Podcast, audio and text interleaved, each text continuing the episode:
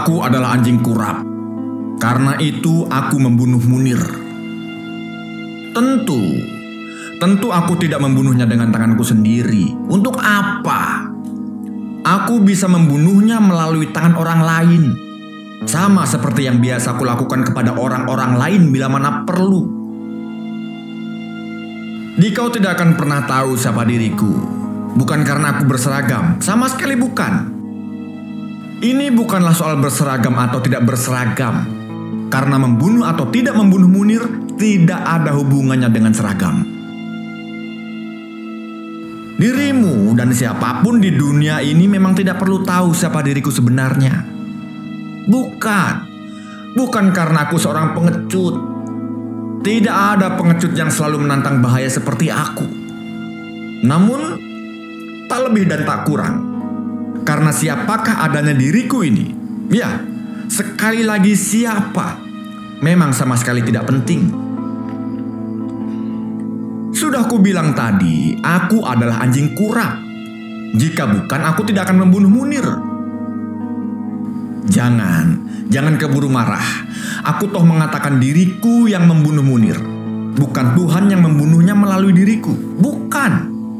Jangan marah. Aku tidak mengatakan sudah kodrat Tuhan bahwa Munir harus mati melalui diriku. Tidak. Kalau caranya begitu, aku tidak usah dicari-cari dong. Aku juga tidak membela diri dengan mengatakan diriku gelap mata, kerasukan setan, atau segala macam. Tidak. Sekali lagi tidak. Aku membunuhnya dengan penuh kesadaran. Jadi tentang siapa yang membunuh Munir tidaklah perlu dipertanyakan lagi. Gamblang, tanpa keraguan. Munir mati diracun.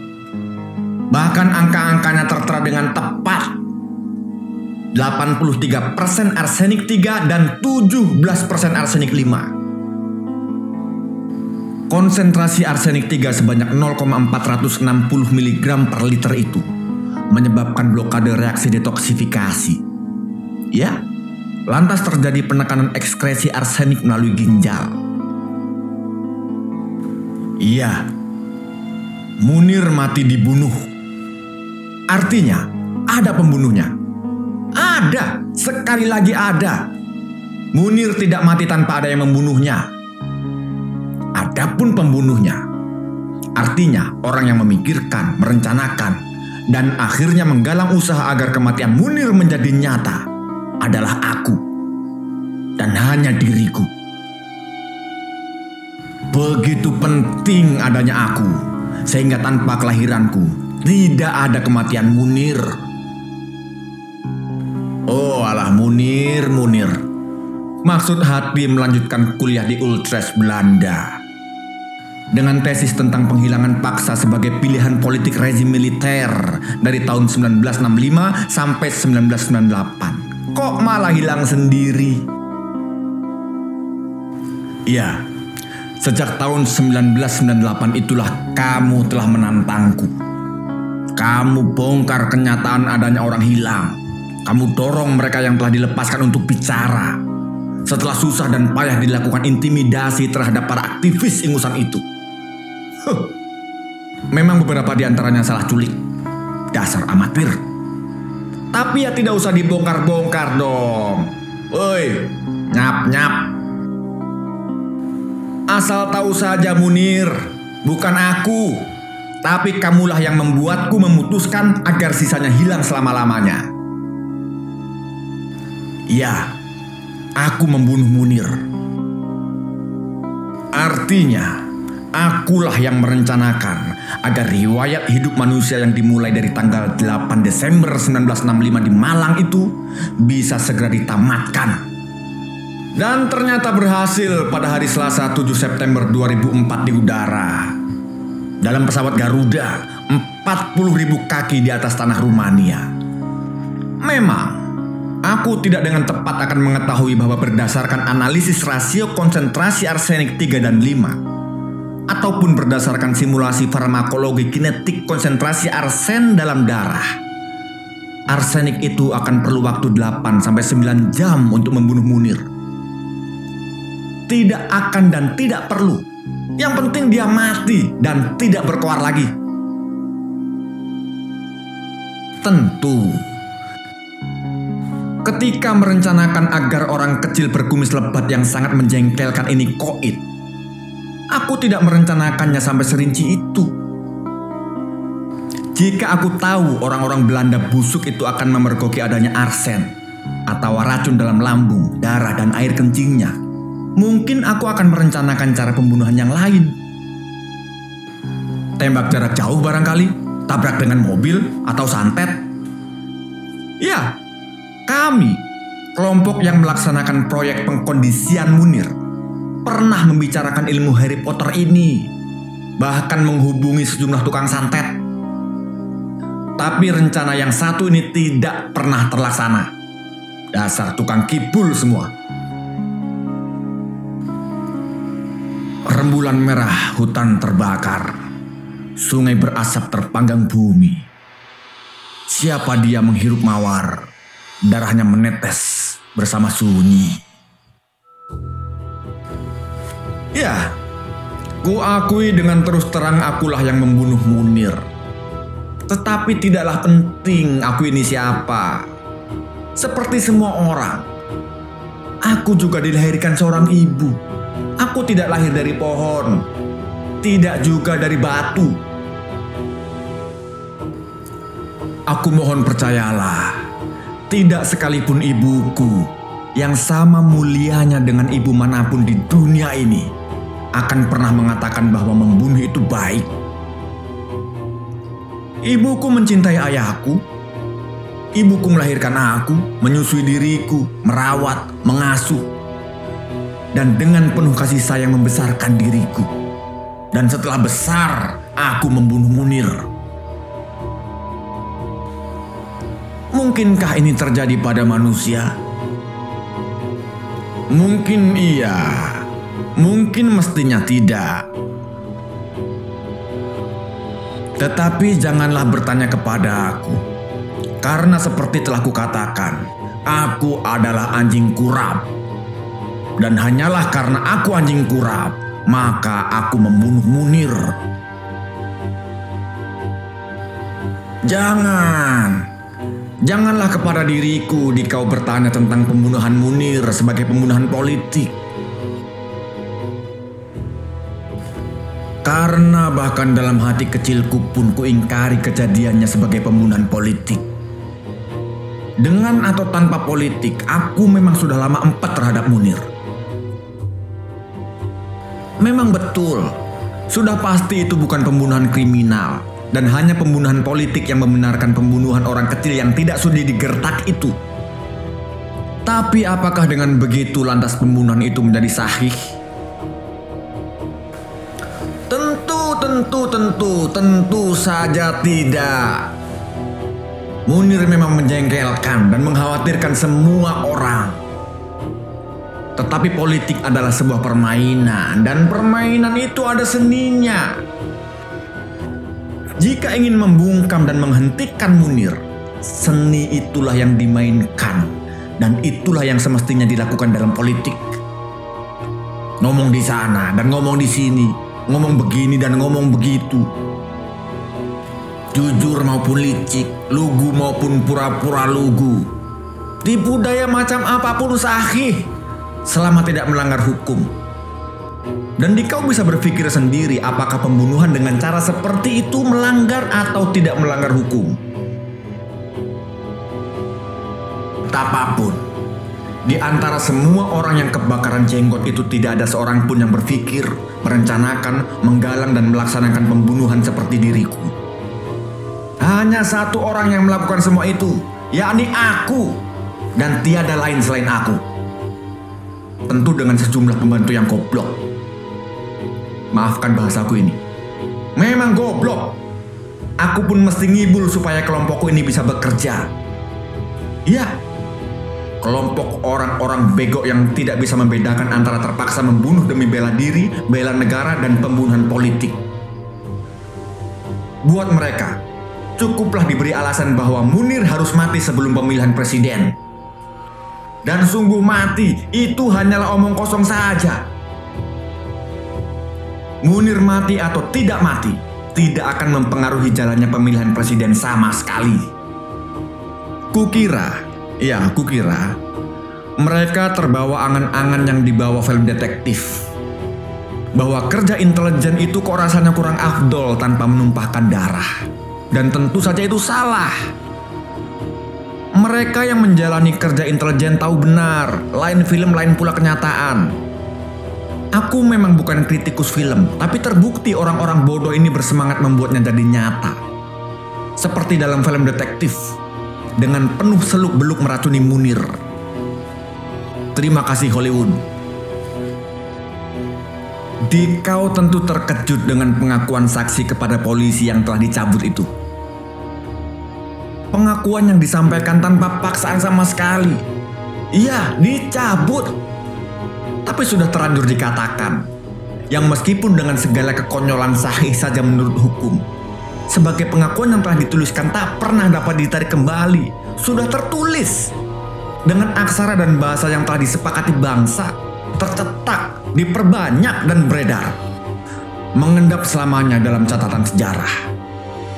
Iya, jika dikau cukup berbudaya, dikau akan merasakan sesuatu yang kurang sepantasnya ketika mengetahui betapa racun itu sudah diujikan kepada seekor kucing. Kalimatnya tertulis dengan jelas. Dikasih ke ikan asin, dimakan kucing, kucingnya mati.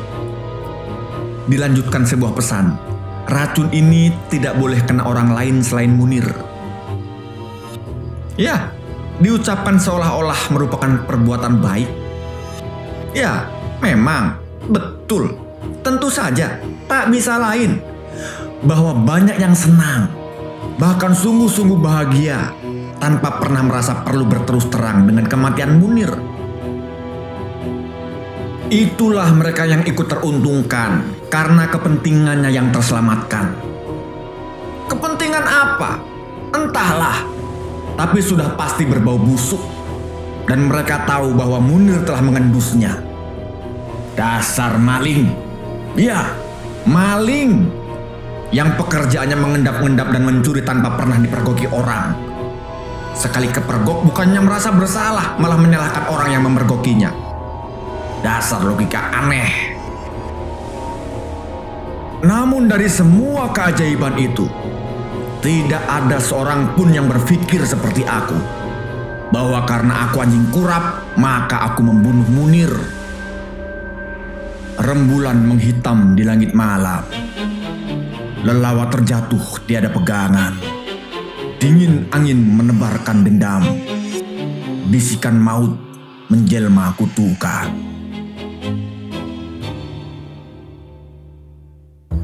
Dikau masih bertanya-tanya siapa kiranya aku. Yang tanpa kunyana meskipun tak akan dikenal tetap saja terkutuk dalam sejarah. Karena dalam kenyataannya Munir terpuja sebagai pahlawan. Hmm, bukan. Sama sekali bukan karena aku takut ditangkap dan dieksekusi seperti Ceausescu. Dikeroyok beramai-ramai seperti Gaddafi atau digantung dengan kepala di bawah dan menjadi tontonan seperti Mussolini. Sama sekali bukan. Jadi tadi ku katakan betapa seperti dirimu pun aku punya seorang ibu. Dan karena itu dapat diandaikan setidak-tidaknya pernah mengenal apa itu kasih sayang. Iya, kasih sayang terhadap kucing, kambing, meski tega menyembelihnya, monyet, lutung, siamang, orang hutan maupun orang biasa. Dapat kukatakan diriku pun mempunyai keluarga, anak istri, yang dengan sangat menyesal harus kusampaikan tak mengenal dan tak akan pernah mengenal siapa diriku sebenarnya. Begitulah, apa boleh buat? Istriku terlanjur mengenalku sebagai suami yang meskipun barangkali tidak terlalu baik, barangkali juga tidak terlalu buruk bersikap baik pada mertua, menghormati segenap keluarga besarnya, bahkan melakukan sembah sungkem kepada para sesepuh setiap hari lebaran ketika mereka masih hidup. Anak-anak tak bisa tidak juga hanya mengenalku sebagai ayah yang baik, meski tak harus terbaik. Karena terus terang diriku ini tidak terlalu berbakat menunjukkan kasih sayang. Hmm, betapapun Percayalah, aku tidak akan bisa membunuh bayi. Apakah itu berarti aku sebenarnya mempunyai hati yang cukup baik? Mungkin, kenapa tidak? Tidak seperti perempuan-perempuan yang tak punya hati itu. Aku tidak akan membuang bayi ke dalam tong sampah. Ya, jelek-jelek aku masih punya sedikit hati nurani. Aku memilih untuk meracuni Munir sebenarnya bukanlah karena aku ini orang yang kejam. Meracuni adalah salah satu dari tiga pilihan, yakni menaruh bom dalam mobil, menyantet, dan meracuni itu sendiri. Untuk yang pertama, ahli bomnya terlalu banyak minta jaminan. Enak bener ya, sudah meledakkan mobil orang. Ya, waktu itu Munir baru saja membeli mobil bekas. Dasar Kismin. Masih minta perlindungan. Yang kedua, sudah ku bilang tukang-tukang santetnya kebanyakan alasan. Katanya Munir dilindungi keris segala.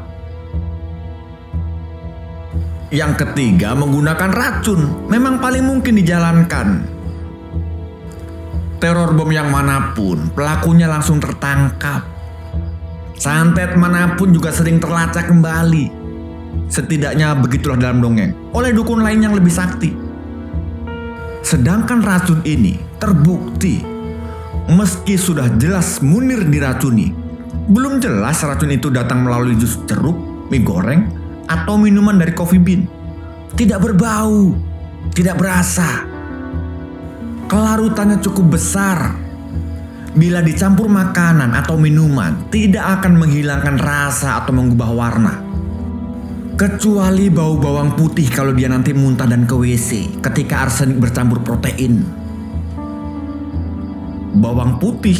Nah, itu mah bau orang kampung kalau masuk angin. Lumayan canggih bukan? Tentu hanya diriku yang tahu bagaimana semua itu akan dan telah berlangsung. Memang ada juga yang berlangsung di luar perhitungan. Ya, ya, ya. Sama sekali di luar perhitungan. Lagi-lagi amatir. Sehingga terjadilah kegemparan yang berlanjut dengan drama pengadilan drama. Ya, drama dalam dua pengertian. Dapat disebut drama karena memenuhi persyaratan dramatik dalam seni pertunjukan. Dan bisa disebut drama karena penuh dengan kepura-puraan. Bersandiwara dalam kehidupan sebenarnya. Tidak percaya? Ikutilah kutipan percakapan jaksa dengan saksi yang sudah beredar luas ini. Pernahkah saudara bekerja di sensor oleh pengarang? Lupa saya. Pengunjung tertawa. Baik. Saya akan membacakan BAP saudara. Penyidik bertanya. Apakah saudara mengenal Munir? Bila iya, kapan dan di mana? Jawab saudara, saya kenal dengan Munir tahun 1996. Waktu saya sering mengikuti diskusi di kantor kontras membahas dui fungsi ABRI dan rezim Orde Baru. Betul itu? Betul. Kemudian, sejauh mana yang Anda tahu tentang rencana pembunuhan terhadap Munir? Jawaban saudara, saya mengetahui rencana pembunuhan itu karena saya pernah disuruh melakukan pembunuhan terhadap Munir. Betul? Betul. Kemudian Anda juga mengatakan bahwa yang menyuruh Anda untuk melakukan pembunuhan terhadap Munir adalah Bapak Sukap, alias Pak Le, alias Rambut Geni, alias Pak Pandir. Betul? Betul. Anda juga mengatakan bahwa Pak Sukap alias Pak Le, alias Rambut Geni, alias Pak Pandir adalah agen muda sensor oleh pengarang. Dengan golongan 3B pada Direktorat 007 di Putih 2. Betul? Doi terdiam sejenak lalu menjawab, "Tidak tahu. Saya lupa, Pak." Lupa? Oke, sekarang pertanyaan nomor 9. Dari mana saudara tahu Pak Sukap adalah anggota sensor oleh pengarang? Saya mengetahui Pak Sukap agen dari ruang kerjanya di gedung X Direktorat 007 lantai 2. Di mobil Pak Sukap terdapat stiker dan juga memiliki kartu tanda anggota. Betul? Lupa saya, Pak. Nah, aku tidak terlalu keliru bukan? Bahwa percakapan semacam itu merupakan sandiwara yang sungguh-sungguh nyata. Tentulah aku terlibat dalam penyutradaraan sandiwara semacam ini. Tetapi janganlah terlalu cepat menebak dan menduga siapakah aku. Karena meskipun memang akulah sebenarnya sumber segala sebab kematian Munir, siapakah diriku ini sama sekali tidak penting. Dikau tidak akan pernah dan tidak perlu mengenal diriku. Tetapi tempatku di dalam sejarah sudah tertunjukkan dengan jelas. Memang, apa boleh buat, bukan di tempat Munir. Rembulan menjadi arang berhamburan. Langit kosong tergelar menghapus bintang. Ada tikus celingak-celinguk dalam selokan. Seruling dangdut pengemis bergoyang. Aku adalah anjing kurap. Karena itu aku membunuh Munir. Namun jika aku sebut makhluk Tuhan yang disebut anjing, itu bukanlah aku. Dengan segala hormat, anjing yang paling kurapan di dunia ini pun tidak akan pernah berpikir untuk membunuh Munir. Iya, diriku dilahirkan oleh manusia. Ku kenali cerlang matahari, halus pipi bayi, harum melati, dan pesona kecerdasan para cendekiawan. Tapi akulah yang membunuh Munir. Apakah aku harus minta maaf karena telah mempermalukan manusia di hadapan segenap anjing kurap di muka bumi? Hmm, selama aku tidak mampu mengungkapkan siapa diriku dan mengakui kesalahanku, berarti aku sungguh-sungguh tidak tahu. Itulah aku.